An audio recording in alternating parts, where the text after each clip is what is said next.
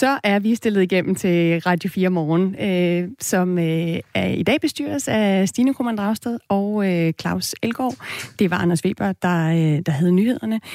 Øhm, og det er, det er blevet torsdag, Claus, den 22. oktober. Det kan man roligt sige. Det er regnrustende efterårsvejr. Også det, og der var nogen, øh, som man siger i, i sproget, der havde taget vores sender.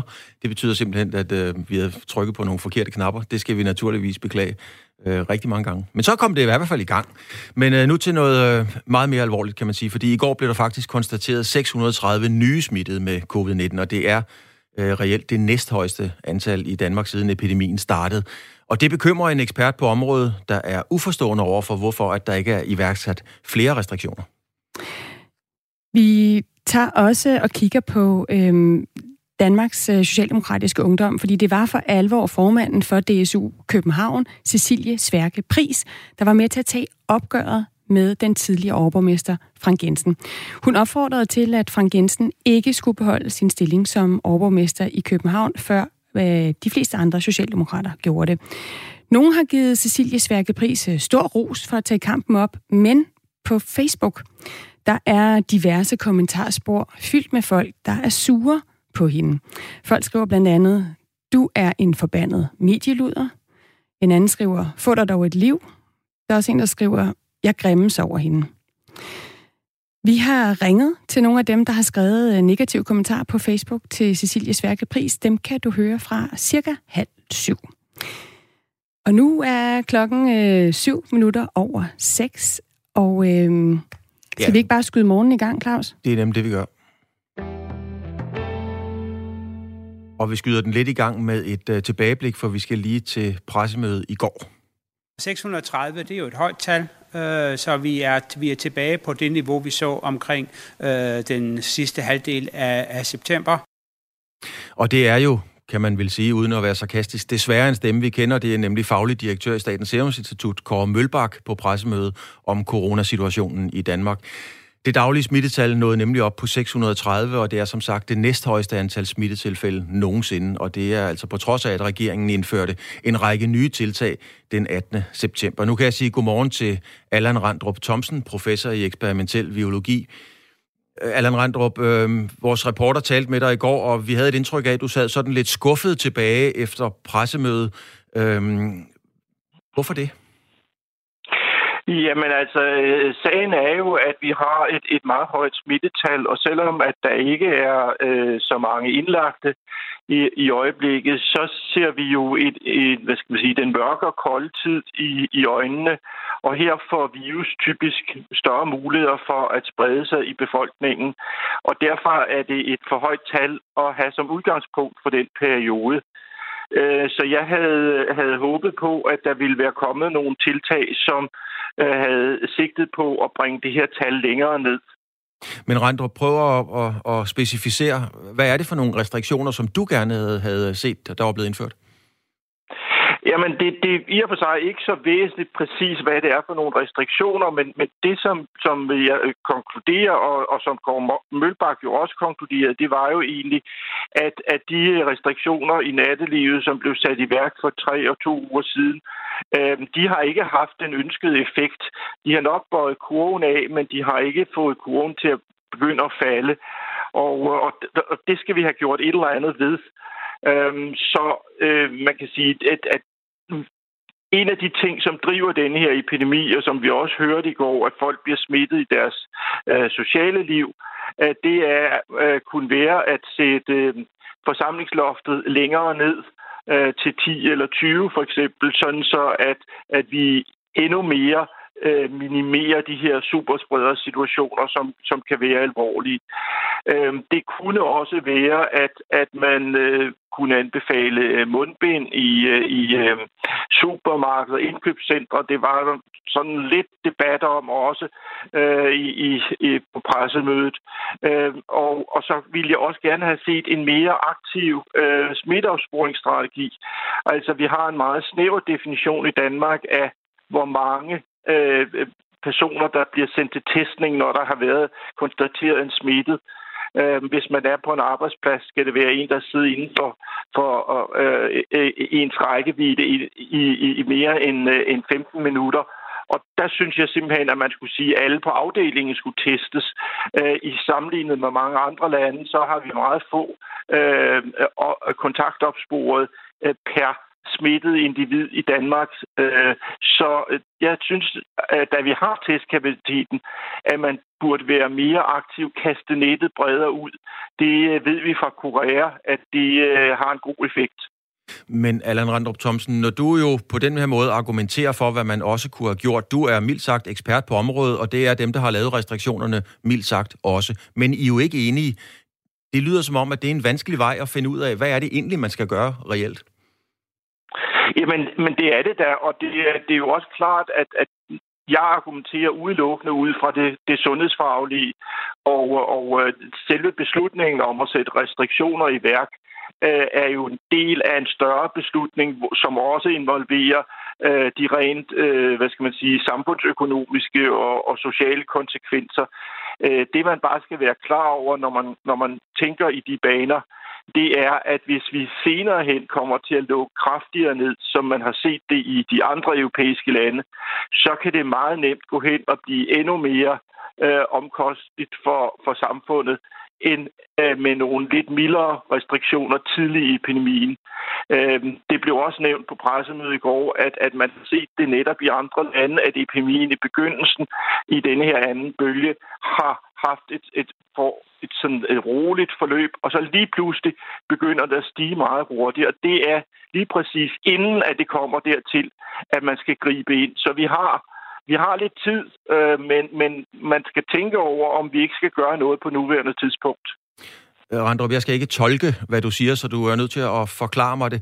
Øh, ja, frygter du, at øh, de økonomiske følgevirkninger og restriktioner, øh, skal vi sige, kan lægge en dæmper på, at der kommer flere restriktioner? Ja, det, det, det tror jeg, der er, er meget naturligt. Altså, det, det hele det hele skal jo være en, øh, hvad skal man sige, den, den politiske afvejning er jo en, en helhedsvurdering. Og det er klart, at, at der er øh, mange aspekter, der skal, skal indlejres, og det, det anerkender jeg jo også som sundhedsfaglig ekspert, at, at, at det er nødvendigt, at man gør det. Øh, men, men jeg vil bare anbefale, at man i hvert fald overvejede øh, meget grundigt på nuværende tidspunkt, om det ikke var tid at lægge nogle flere restriktioner ind, sådan så vi undgår en større nedlukning senere hen. Øh, du var selv lidt inde på det, men på pressemødet i går øh, lød det, at mange af de smittede mener, at de er blevet smittet af, af nære kontakter. Det kan være familie, venner og, og kolleger. Altså regeringen indførte jo nye tiltag 18. september, og det var blandt andet, at øh, caféer, restauranter og barer skal lukke kl. 22. Øh, hvad er der gået galt, hvis man kan sige sådan, siden at, at det jo til synligheden ikke har haft den ønskede effekt? Jamen, jeg vil ikke sige, at der er gået noget galt. Øhm, og, og man kan sige, hvis vi kigger på kurven, så har det haft effekt, fordi kurven er, er klart bøjet af. Den der steg forholdsvis øh, markant, inden vi satte de tiltag i gang. Så de tiltag har haft en effekt, efter min bedste vurdering. Øh, det, der bare problemet er, at, at det ikke har været nok. Øh, og, og derfor skal vi altså øh, prøve at lave nogle øh, flere øh, at den her fokuserede type tiltag, sådan så vi undgår øh, den type generelle nedlukninger, som for eksempel Irland øh, iværksatte i, øh, i går. Antallet af indlagte faldt fra tirsdag til onsdag med seks patienter, så der lige nu er 122 indlagte med coronasmitte rundt omkring på, på landets sygehuse. Og i det lys kan man måske konstatere, at, at sundhedsvæsenet lige nu ikke er, sådan skal vi sige, belastet af det. Øh, men skal vi alligevel være bekymrede?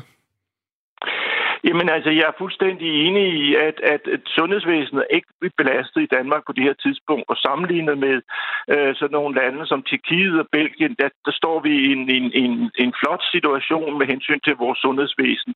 Så det er ikke den nuværende situation, der bekymrer mig, men det er det, som kan ske om to-tre uger, øh, når øh, vi får den rigtige, øh, hvad skal man sige, vinter og kold tid, hvor vi samles indendørs og hvor viruset for gode betingelser, øh, så vil jeg godt have et bedre udgangspunkt øh, med hensyn til smitteudbredningen, netop for at undgå at se de her øh, meget hurtige stigninger, som man har set i rigtig mange af de andre europæiske lande.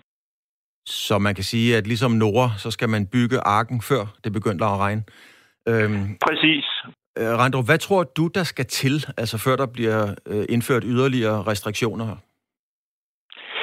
Jamen, jeg, jeg vil ikke engang udelukke, at, at man øh, på, på det politiske plan allerede på nuværende tidspunkt øh, overvejer, hvad man skal gøre. Øh, de restriktioner, vi har øh, nu, øh, så vidt jeg husker, udløber de med udgangen af måneden, og det vil sige, at man skal jo tage stilling til i løbet af meget kort tid, øh, hvordan man vil agere ud i, øh, i, i den kommende måned. Øh, og der kunne jeg øh, meget vel forvente, at man også overvejer, om der skal yderligere restriktioner til. Jeg ved, der også har været andre af, af, af de biologiske eksperter, der har været ude og, og sige det, øh, det samme som mig, og også epidemiologerne har, har påpeget det her. Så jeg tror da, at man øh, vil lytte i de politiske kredse øh, og, og overveje, om, om det ikke er passende at indføre nogle ekstra restriktioner på nuværende tidspunkt. Randrup, du er jo øh, sundhedsfaglig ekspert og, og, og ser og udtaler dig jo i det lys, men du er også ganske almindelig øh, borger i Danmark. Er du bange? Nej, jeg er ikke bange. Øh, det er jeg absolut ikke. Jeg, jeg mener, vi har, har styr på epidemien, som den er nu. Øh, og det her er tiltag, som er, hvad skal man sige, fremadrettet Øh, for at undgå, at vi kommer ind i en situation, som øh, man kan se i nogle af de andre europæiske lande, hvor der er rigtig mange smittede, og hvor sundhedsvæsenet er presset. Og, øh, og jeg mener, at vi har muligheden for at, at uh, forhindre, at den situation opstår. Så nej, jeg er ikke, ikke bange på nogen måde. Uh, men, men som sagt, jeg, jeg appellerer til, at man overvejer, uh, hvad man skal gøre på den sådan lidt længere bane. Har du nogen øh, øh, fornemmelse af, hvad, hvad, hvad der sker med, med, med senere i dag? Med rejserestriktioner? Med rejserestriktioner? Ikke andet end, øh, hvad der blev sagt på pressemødet i går, at det meget peger på, at, at, at der bliver lukket ned til næsten alle øh, lande uden for Danmark. Altså, at vi bliver, øh, hvad skal man sige, bundet til, til Danmark i, i de næste øh, en uger i hvert fald, og, og formodentlig også længere.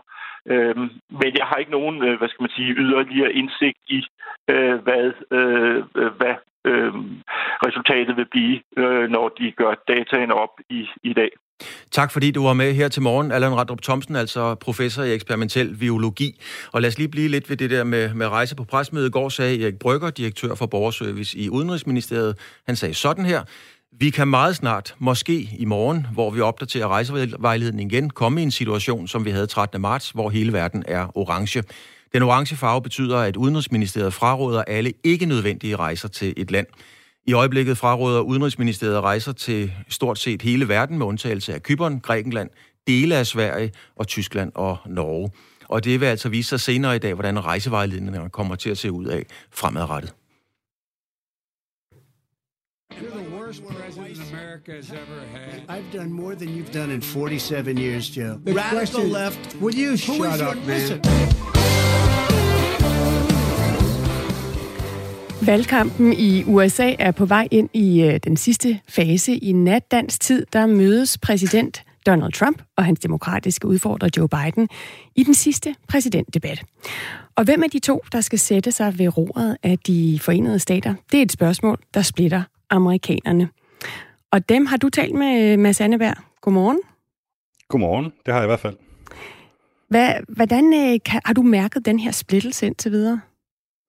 Jamen altså, øh, hvad kan man sige, den, den driver simpelthen ned ad væggene herovre. Øh, jeg landede i Florida for fem dage siden nu, og det står lysende klart for mig, at det her land har brug for en meget stor omgang kollektiv parterapi.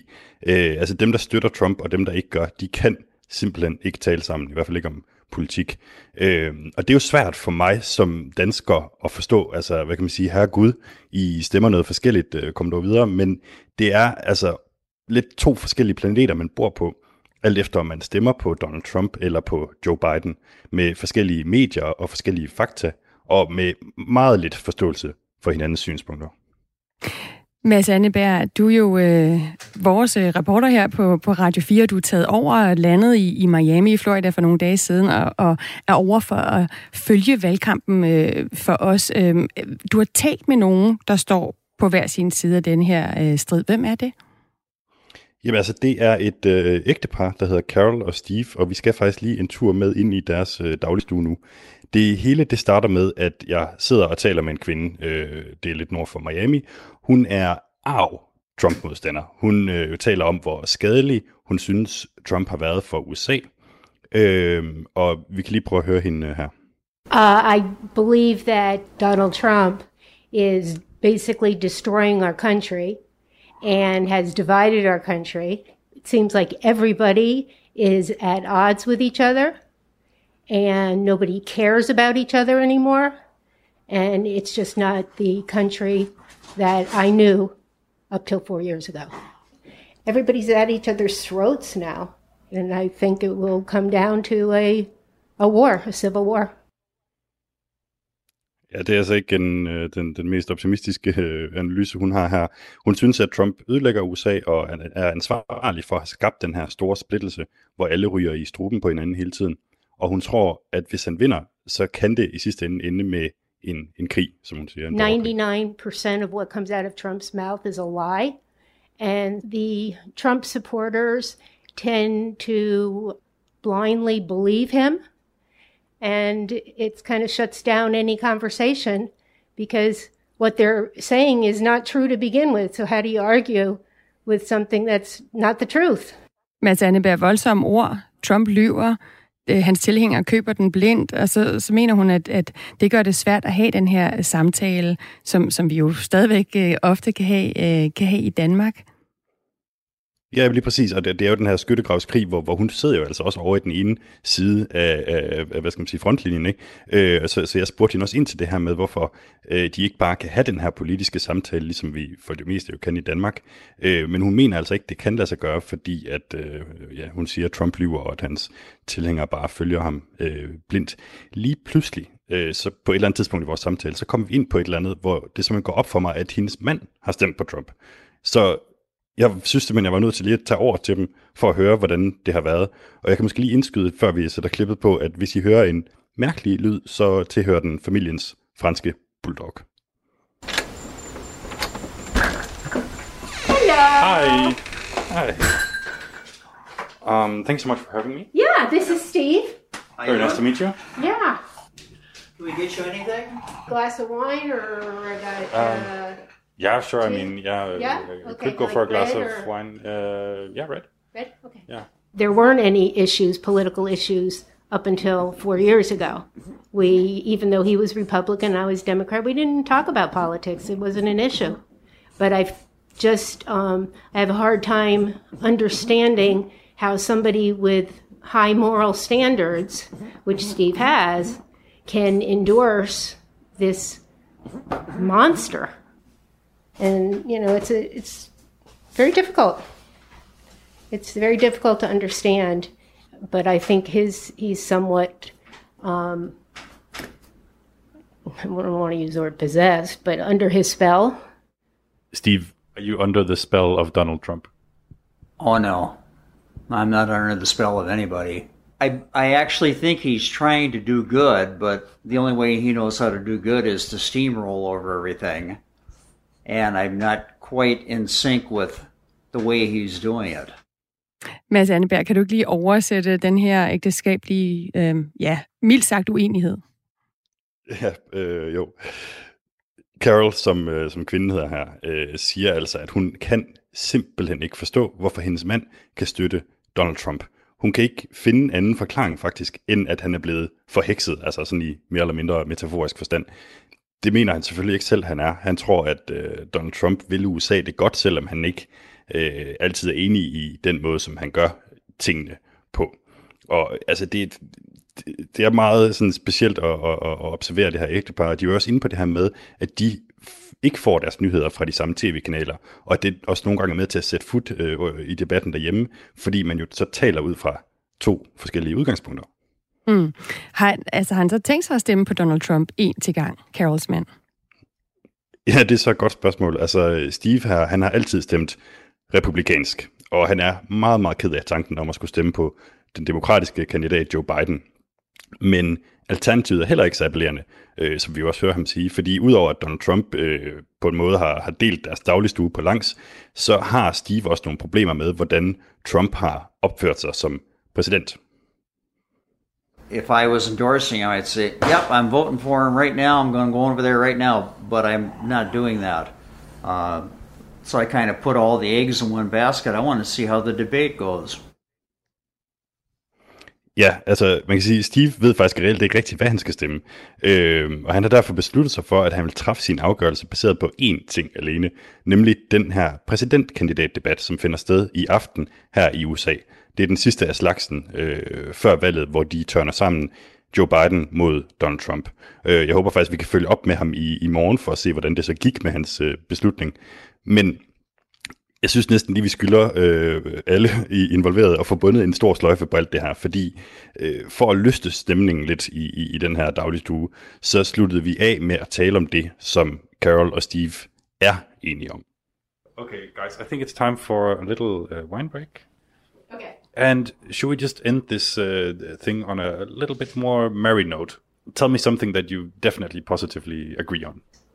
We, I mean, everything that was that has been there for the past 18 years is still there. We still love each other. We'll get beyond it. We'll deal with it. We've survived this this four year period, and we will survive.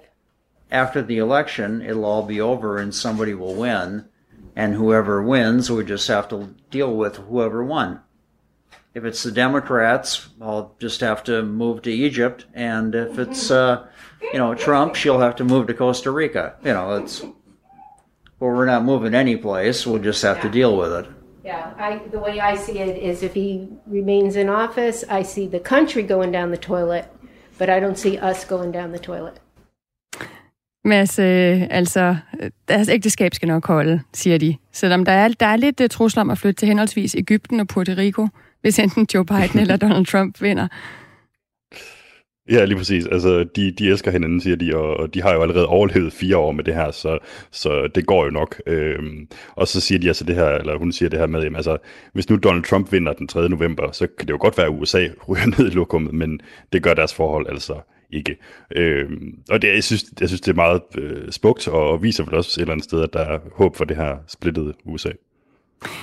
Mads Anneberg, du er jo i, i Florida. Hvor, øh, hvor fortsætter du hen på den her roadtrip, øh, hvor du jo er på jagt blandt andet efter de vælgere, der kommer til at være afgørende? Og det må man jo sige, for eksempel Steve er. Han, altså, han er jo en af de få, der ikke har besluttet sig øh, endnu, og det, det er jo dem, som øh, præsidentkandidaterne skal prøve at påvirke her i nat, når de har, når de har debat. Men hvor, øh, hvor fortsætter din jagt henne? Jamen, det er lige dem, det, øh, jeg gør. Øh, og jeg vil så sige, jeg vil godt indrømme, jeg har ikke fået roadtrippet alt for meget indtil videre. Jeg er ikke kommet så langt op af, af Østkysten, som jeg måske havde, havde håbet på. Der er mange, der gemmer så mange gode historier over det hele. Men øh, jeg er lige nu et sted midt imellem Miami og Orlando, og øh, målet er, at jeg ligesom her i morgen og, og i overmorgen skal op og besøge det her pensionistfællesskab, øh, øh, altså en kæmpe pensionistby, som hedder The Villages, hvor der er forlydende om, at Donald Trump kommer på besøg på fredag, fordi de i sig selv er kanon afgørende øh, faktisk for, for, for det her valg. Altså de, de stemte sådan overvejende Trump sidste gang, men man taler om, at de måske kan gå lidt mere i en Biden-retning nu her, blandt andet fordi de er ældre, og, og der har været noget kritik af, hvordan Donald Trump har håndteret den her famøse virus, som især rammer ældre, nemlig corona. Jamen, øh, held og lykke med at se, om du kan komme til, til Trump Rally. Altså Mads Anneberg, vores øh, reporter over fra det amerikanske. Øhm, der er 12 dage til valget i USA, løber af staten. Det er den 3. november.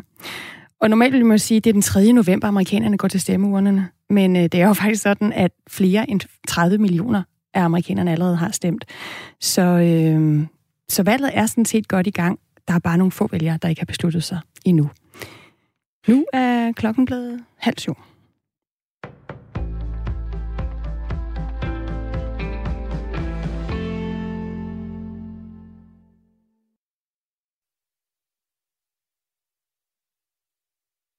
Om ytringsfriheden og om, at man kan vise Mohammed-tegningerne.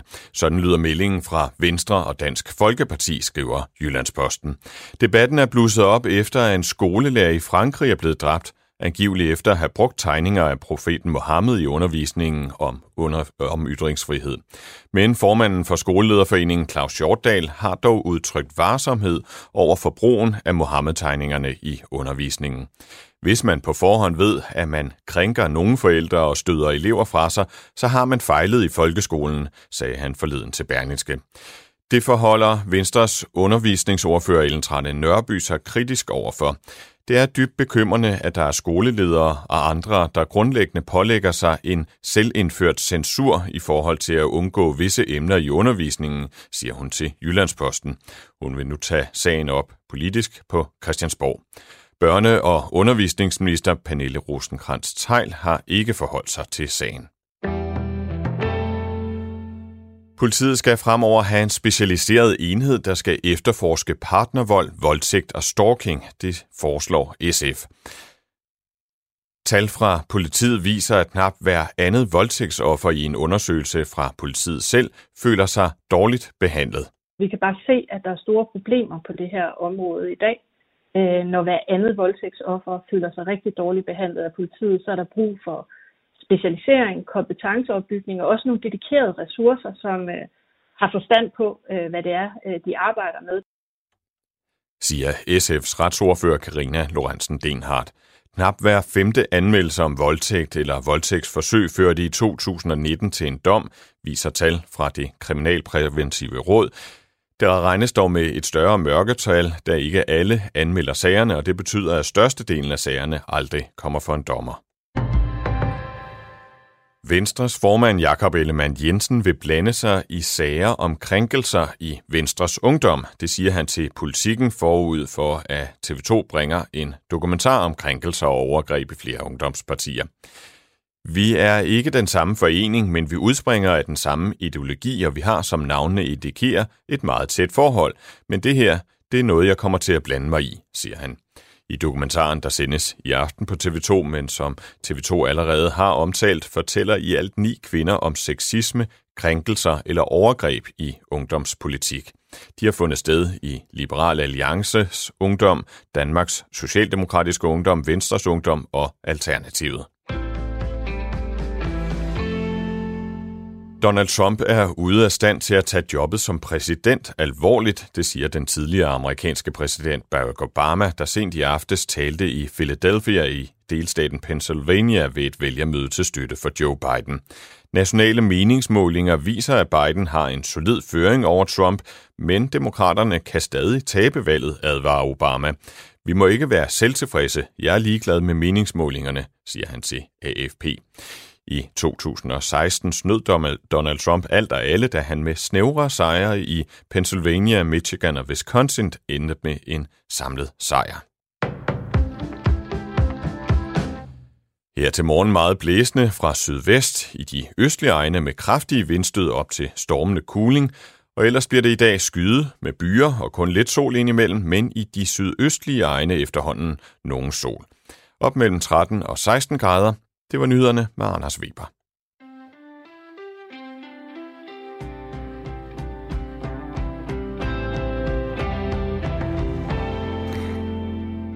I går aftes, der blev der holdt en, øh, en der holdt den, den franske præsident en, en, meget, øh, en tale, hvor han var meget berørt for den her historielærer Samuel Paty, som jo i sidste uge øh, blev dræbt. Øh, han fik skåret halsen over, øh, fordi han havde vist øh, sin klasse en tegning af profet Mohammed øh, som en del af, af undervisningsdebat om ytringsfrihed. Den debat, den fortsætter jo herhjemme, øh, Claus, og vi har talt med ja, både øh, lærere, der siger, at de vil vise de her tegninger, hvis det er relevant i ytringsfriheden. Vi har også talt med øh, politikere, som mener både det ene og det andet. Øh, og nu er debatten jo ligesom rykket videre. Ja, den, øh, det er en debat, som kommer til at køre i, øh, i rigtig mange år øh, med forskellige vinkler og forskellige tekst på den. Det vi godt kunne tænke os at høre jeres mening om, det er jo, at øh, der er politikere, som der er masser af politikere, som har en holdning til det, og der er politikere, der mener, at man skal øh, bruge Mohammed-tegningerne aktivt, eksempelvis i, i undervisningen som led i, i læren om øh, ytringsfrihed. Der er politikere, som, øh, som bruger Mohammed-tegningerne selv. Søren Espersen fra, fra Dansk Folkeparti er afbildet med en kaffekop med Mohammed-tegninger på. Inger Støjberg har været ude at bruge det. Øh, men der er også politikere, som siger, at man for alt i verden skal bruge Mohammed-tegningerne, men som ikke selv øh, gør det af forskellige årsager. Synes du, at det er rimeligt, at man forlanger, eksempelvis skolelærer bruger Mohammed-tegninger, øh, hvis man forlanger det som politiker, men ikke selv enten ikke vil eller ikke tør øh, af frygt for repressalier? Altså hvis man forlanger, at andre skal gøre det, skal man så også selv øh, være eksponent for at vise de tegninger. Det vil vi gerne høre din mening til. Skriv ind til os på 1424. Start din besked med, med R4. Vi taler med øhm, Socialdemokraten Rasmus Stoklund øh, senere, som er, som er udlændingeordfører for Socialdemokratiet. En af dem, der mener, at, øh, at, skole, at man skal undervise i de her Mohammed-tegner, men man skal vise dem, men han har ikke selv vist dem, og kommer ikke til at gøre det, så vidt vi ved. Det vil vi gerne øh, spørge ham ind til. Lige nu er klokken øh, 24 minutter over syv, og du lytter til Radio 4 morgen.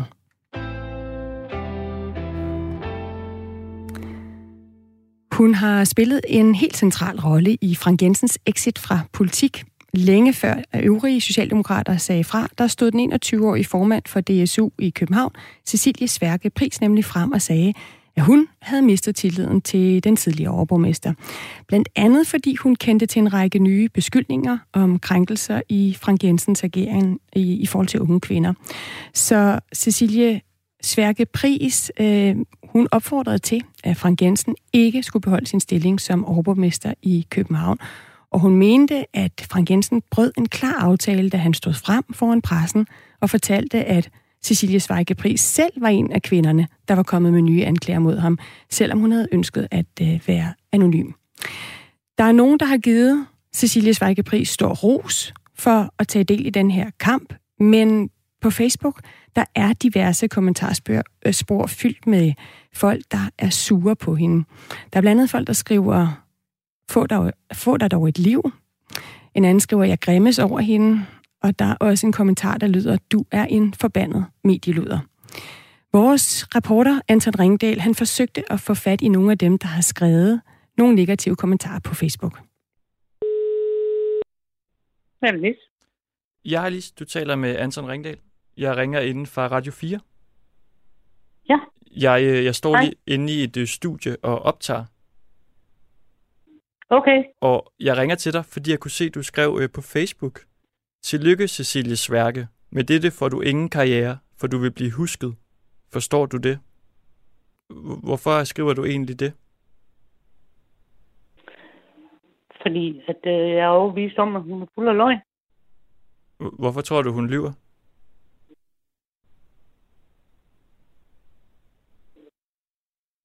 Fordi der har været vidner til den dag. Og hvad er det, hun øh, lyver om? At, hun har, at der er nogen, der har begået overgreb på hende. Tror du på, at Frank Jensen har givet hende et kindkys?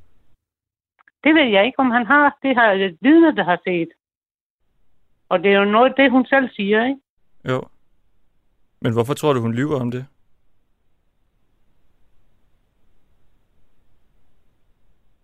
Jamen, det gør hun måske heller ikke, men det er i hvert fald det er da ikke et, et seksuelt overgreb. Det er det, jeg mener.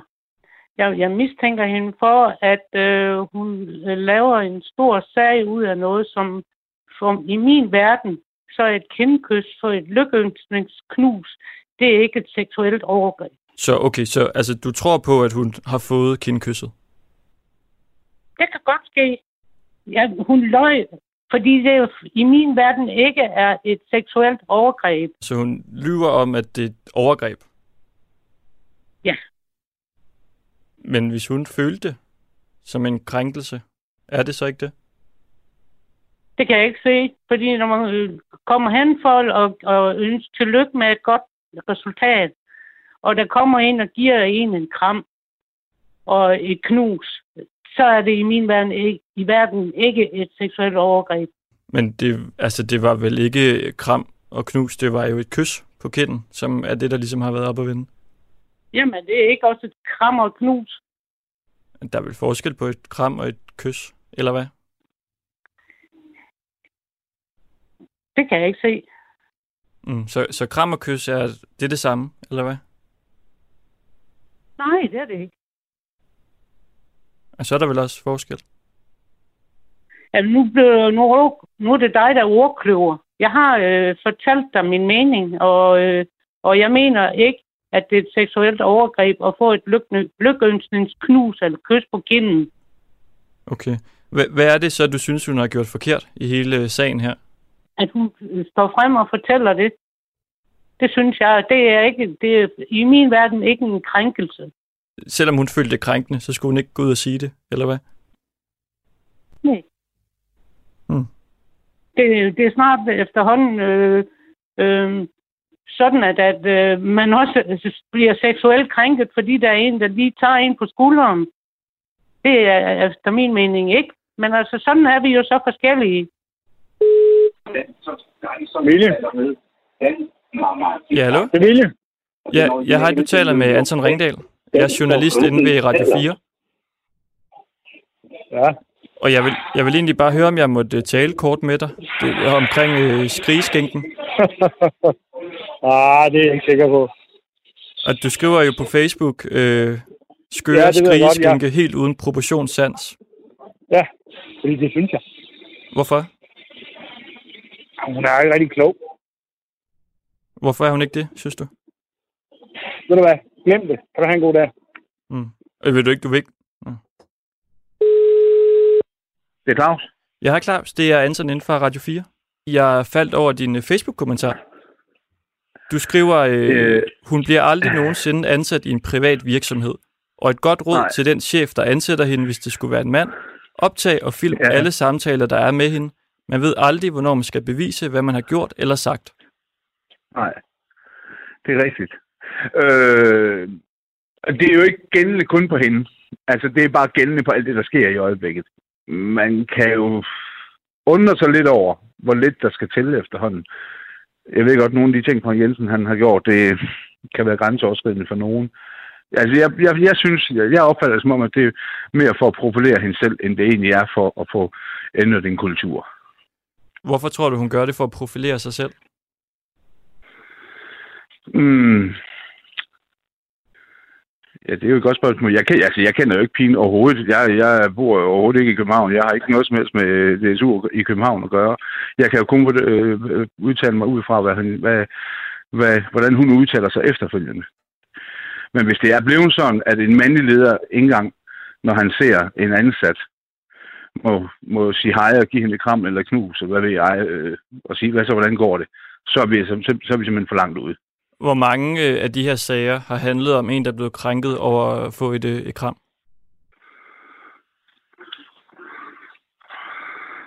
Det tror jeg kun, det hende her i går, der har været det. Det var jo ikke et kram, det var jo kindkysset, der gjorde forskellen. Jo, jo, jo, ja, og så har han, og det, det er jo længe, og det, kan- altså, det er jo hende, der har opfattet det, når vi hører hendes udtalelser efterfølgende. Der synes jeg, at den går væk fra at være til en kamp mod et kult, en kultur, der skal ændres til at blive sådan et personligt hævntop mod ham. Det var vores reporter Anton Ringdal, der talte med Lis, Willi og så til sidst her Claus, der altså synes, at det er i et personligt hævntogt. Øhm, Cecilie Sværke Pris har udtalt, at vi skal have en næstformand, altså i Socialdemokratiet, som alle kan føle sig trygge ved at spejle sig i. Det mener jeg ikke længere, Frank lever op til. Nu er klokken blevet øh, 16 minutter i syv. Folkeskolerne skal stå sammen, både om at værne om ytringsfriheden og om at vise, at man kan øh, vise Mohammed-tegningerne eksempelvis i, i undervisningen. Det mener i hvert fald Venstre og Dansk Folkeparti, og det skriver Jyllandsposten her til morgen. Debatten om, at undervisere bør bruge Mohammed-tegningerne, når de underviser i ytringsfrihed, er nemlig blusset op igen. Og det sker efter en fransk skolelærer på tragisk vis er blevet dræbt, angiveligt efter at have brugt tegninger af profeten i en undervisningstime. Og i tirsdags talte vi så med Erik Smed fra Virum Skole. Han er folkeskolelærer og underviser i samfundsfag. Han mener, at det vigtigste er, at eleverne får den nødvendige viden og lærer at analysere og reflektere over et begreb som ytringsfrihed. Og lad os lige høre, hvad han blandt andet sagde til Radio 4 i tirsdags. Det er ikke sådan, at det er et mål for mig at øh, have tegninger med i min undervisning.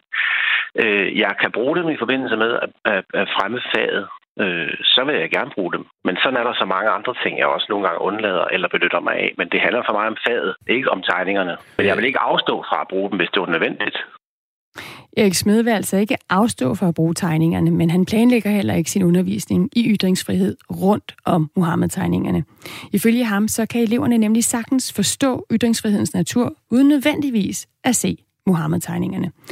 Men her til morgen, der siger Pia Kærsgaard, der er udlændingoverfører hos Dansk Folkeparti, altså til Jyllandsposten, at hun mener, at det skal være obligatorisk at vise tegningerne i undervisningen. Citat, det er så væsentligt alt det, vi kæmper for i Danmark og Vesten. Det er ikke bare en historiefortælling, det er også vores ytringsfrihed. Citat slut. Det siger Pia Kærsgaard altså til Jyllandsposten. I tirsdags, der talte vi her på Radio 4 Morgen også med Gordon Ørskov Madsen. Han er formand for Danmarks Lærerforening, der organiserer mange af de danske folkeskolelærere. Vi spurgte, om han mener, at de danske undervisere skal undervise i Mohammed-tegningerne. Og til det, der svarede han sådan her det er vigtigt, at det er læreren og det er skolen, der afgør, hvad for noget materiale, der skal bruges i undervisningen. Vi må ikke lægge under for, at øh, der er trusler udenfra, og der er øh, chikane, eller hvad det nu kan være, af mere eller mindre grov karakter. Det her, det handler om, at vi skal undervise med demokrati, vi skal undervise i demokrati. En del af det, det er ytringsfriheden, og dermed er Mohammed-tegningerne og forløbet omkring Mohammed-tegningerne øh, relevant at tage med ind. Ifølge Venstres undervisningsordfører Ellen Trane Nørby, så er det, jeg nu citerer jeg, dybt bekymrende, at der er skoleledere og andre, der grundlæggende pålægger sig selv selvpåført censur i forhold til at undgå at vise emner i undervisningen, og siger hun så også til Jyllandsposten. Og derfor vil Ellen Tran Nørby nu tage sagen op øh, politisk på Christiansborg. Og allerede i mandag spurgte vi Gordon Ørskov Massen, hvem der skal bestemme, om Mohammed-tegningerne bliver brugt i undervisningen. Og til det svarede han præcis sådan her. Det er jo ikke sådan, at, at jeg mener, at man skal bruge dem, øh, men det er en vurdering, som udelukkende skal ligge hos læreren og hos skolen og ingen andre steder.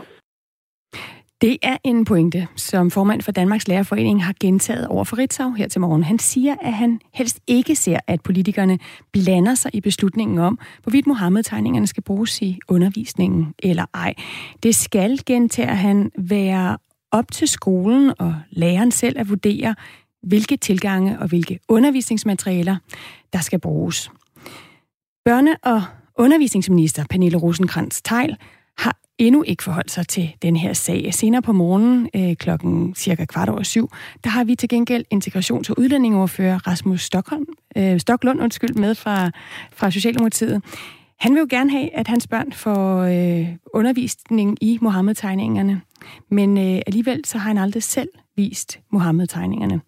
Vi, øh, vi spørger ham, om folkeskolelærerne skal være mere modige end, end ham. Og det spørgsmål, det vil vi egentlig også gerne stille videre til dig, der lytter med. Øh, synes du, at øh, vi kan kræve, at øh, skolelærer skal bruge Mohammed-tegninger i deres undervisning? Øh, synes du, at danske politikere kan kræve det, hvis de ikke øh, selv også øh, tør lægge dem frem? Eller er det en, en skævvridning af, af en vigtig ytringsfrihedsdebat? Skriv ind til os på 1424. Start din besked med, med R4. Det er der en del, der har gjort allerede, Claus. Ja, der er, der er faktisk lige kommet ind her, røgligner døren nu her. Kan ikke se, hvorfor man absolut skal vise tegningerne i undervisningen. Man kan da sagtens undervise i det uden at vise tegningerne, ligesom man kan undervise i så meget andet uden at vise billeder eller videoer af det. Venlig hilsen, Erik. Og Allan skriver, jeg er meget glad for, at skolerne i Danmark, som i Frankrig, skal have Mohammed-tegningerne med i undervisning om ytringsfrihed. Det mangler også bare, når nu de tegninger er danske. Undervisningen bør også medtage filmklip fra filmen The Life of Brian. Timer i ytringsfrihed kan der ikke være for få af. Det skriver Allan altså. Og det er jo fordi, der har været Mohammed-tegninger, selvfølgelig i offentliggjort i Jyllandsposten, de Mohammed-tegninger, som den franske skolelærer, der nu er blevet dræbt, Samuel Paty, han viste, det er så tegninger, der har været offentliggjort i satiremagasinet Charlie Hebdo, som jo også har været udsat for øh, terrorangreb. Vi øh, taler altså med Rasmus Stocklund øh, om øh, det her med, om man skal vise Mohammed-tegningerne, om han selv vil vise dem klokken kvart over syv. Lige nu er klokken 10 i syv.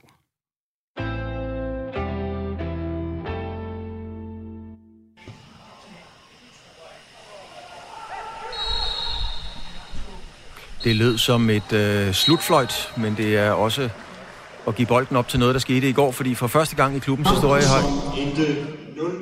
Ja, det siger stadionspeakeren lige det her. Ikke for at træde i det for dem, der holder med FC Midtjylland, men det endte jo altså 0-4. FC Midtjylland fik en ordentlig en på bæret. Tabte 4-0 til øh, Atalanta fra, øh, fra Italien. Øh, det skulle have været så godt, det skulle have været en stor aften, det skulle have været helt fantastisk, men øh, det endte ikke ret sjovt, hvis man holder med FC Midtjylland, eller i øvrigt holder med dansk fodbold. For på en regnfuld mørk aften 4-0 til det italienske hold. Atalanta. Godmorgen til dig, Niklas Stein. Du er journalist her på Sporten på Radio 4. Øh, du er også på plads på MCH Arena i Herning, som det så flot hedder til kampen i aftes. Øhm, blev FC Midtjylland, nu tager jeg lige en sportsterm, blev kørt ud på røv og albuer i den kamp? Ja, det kan du sagtens sige, øh, det kan du sagtens sige, øh, de gjorde.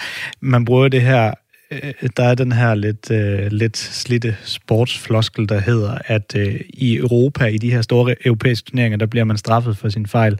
Som sagt lidt af en floskel, men, men det kan man godt bruge i går. Øh, de, kom, de kom fint fra start, FC Midtjylland, men øh, når, man ikke, øh, når man ikke er der, hvis man er lidt uopmærksom, så, så kan det gå hurtigere. På et kvarter stod den 1, 2, 3, 0, og så var, så var det lidt kørt, og så, øh, så var det bare om at, om at køre den hjem i anden halvleg for, øh, for, for Atalanta. Så, så jo, en afklapsning, det var i hvert fald, hvad det endte med at blive.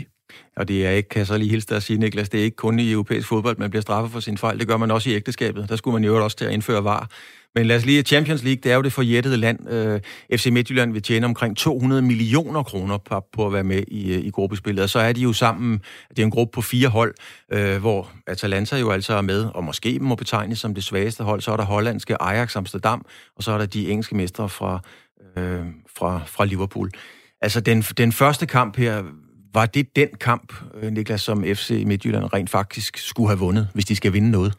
Ja, for nu snakkede jeg lidt om europæiske erfaringer. Det er, det er klart, udover selvfølgelig FC Midtjylland, den her gruppe, der er det klart, at Atalanta, som har mindst europæiske erfaringer, det er dem, der igen, på set fra FC Midtjylland, der er opkomling i den her gruppe. Så, så det er det hold, som, som skulle være det svageste, hvis man skulle udpege et, og derfor var det også den blødeste start, FC Midtjylland kunne få, hvis man da overhovedet kan snakke om det. På den måde var det her, de skulle præstere et eller andet, hvis de skulle overraske. Så, så på den måde var det også en, en, en meget hård start, og, øh, og nu er det allerede, det var, det var en svær gruppe i forvejen, det var oppe bakke for FC Midtjylland, men nu er det endnu mere oppe bakke, og det, det er meget svært at se, at de skal få et eller andet ud af det her. Så, så skulle det have været, så skulle det altså været på hjemmebane mod Atalanta i, i aftes. Men, men Niklas, var de bare overmatchet? Altså var, var Atalanta bare bedre i alle spillets facetter?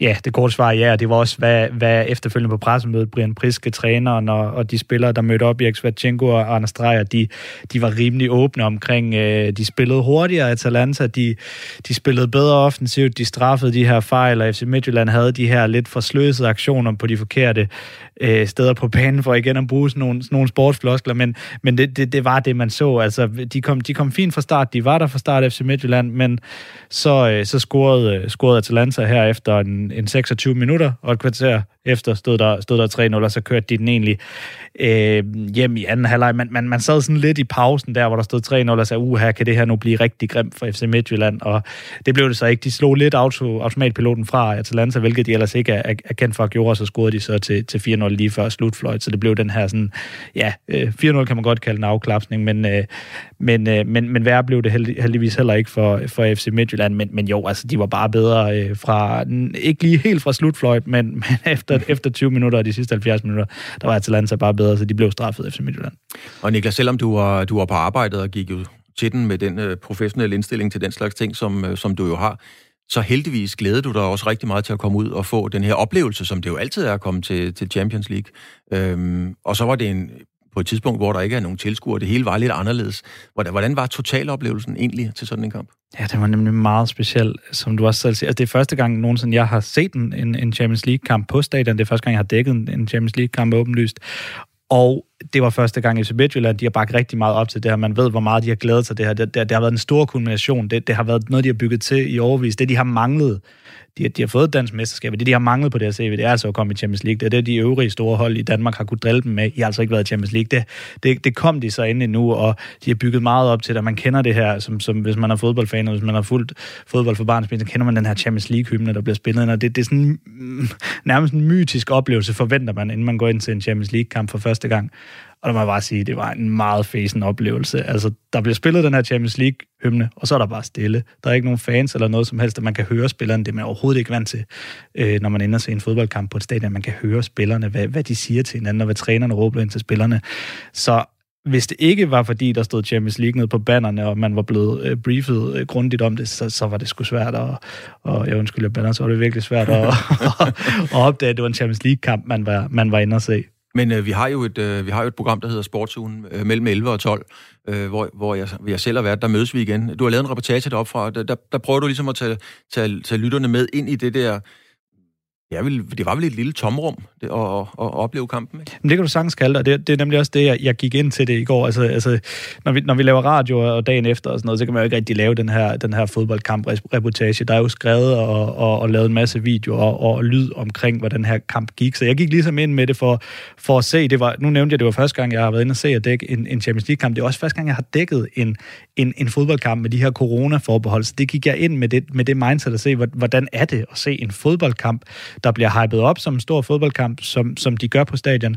Men så er det når kampen bliver flot i gang, egentlig lidt ligesom at se en reserveholdskamp eller en eller anden øh, Serie 1-kamp ude på en mark, fordi som sagt, du kan høre, hvad spillerne siger til hinanden, og råber til hinanden, og dirigerer til hinanden, og det er du bare ikke vant til. Så, og, og når der alligevel er det her store øh, setup, for eksempel er der, der, der, der står vagter rundt omkring på stadion, som du plejer at gøre, hvor de kigger op mod øh, øh, de fans, som jo så ikke er der. Altså det, det er en meget syret oplevelse på mange måder, men det gik jeg til, øh, og det har jeg prøvet at lave en, øh, en lille reportage om, så kan vi tease lidt for, når der er sportszone senere.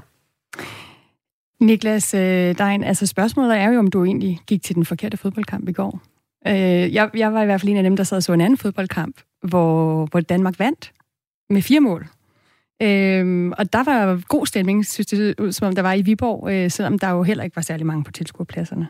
Er det, øh, er det en kamp, du, øh, du lige nåede at, at kigge lidt på? Det var altså kvinderne, det danske kvindelandshold, der spillede mod øh, Israel i, øh, for at kvalificere sig øh, til Europamesterskaberne, og endte med at vinde 4-0.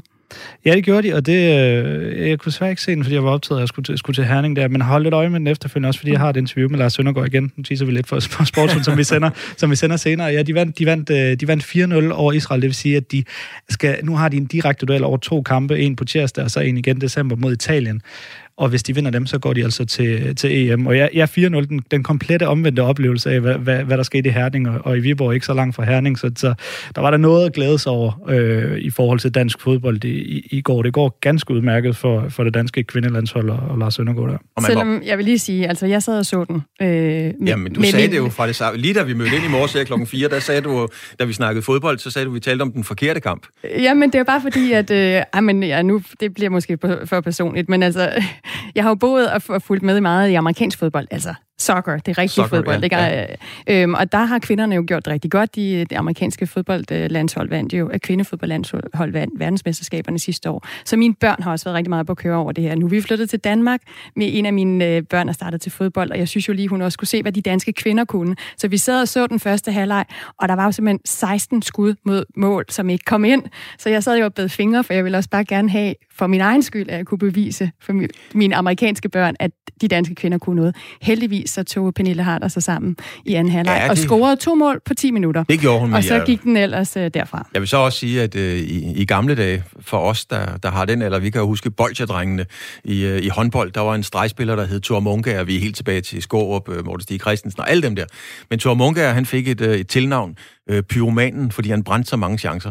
Og jeg vil sige, at Pernille Harder, hun, øh, hun kan nemt blive den næste pyroman i dansk fodbold, fordi hun brændte delen dyt med godt nok også mange chancer i går. Hun er en fantastisk fodboldspiller. Hun og... endte med at score to mål. Det er det vigtigste. Der var et selvmål, og så øh, sluttede... Øh, nu skal jeg lige se, hvem det var, der sluttede af faktisk med det sidste mål. Det var Sofie Junge. Så det blev øh, 4 øh, 0 over Israel. Øh, og det var bare det, øh, jeg tænkte var, var den gode fodboldkamp at se i går, hvis de, man øh, vil blive glad. Difference på 8 mål. 0-4 i den ene ende og 4-0 i, i den anden ende. Sådan er livet også skruet sammen. Ja, øh, Niklas øh, Dein, altså journalist øh, på Sporten her på Radio 4, tak for at komme ind øh, og for at, at tage øh, den, den lidt hårdere øh, oplevelse, det var at sidde og se øh, det danske nederlag, som øh, jo altså foregik øh, i den Champions League-kamp, der var i går. Men de var der, øh, FC Midtjylland. Det var en stor dag, og det er i rivende kontrast til det, en leder af en stor Københavnsklub engang sagde, hvem gider at spille på Lars Tønskids mark? Nu spiller de om 200 millioner. Med det ord, så er der nyheder.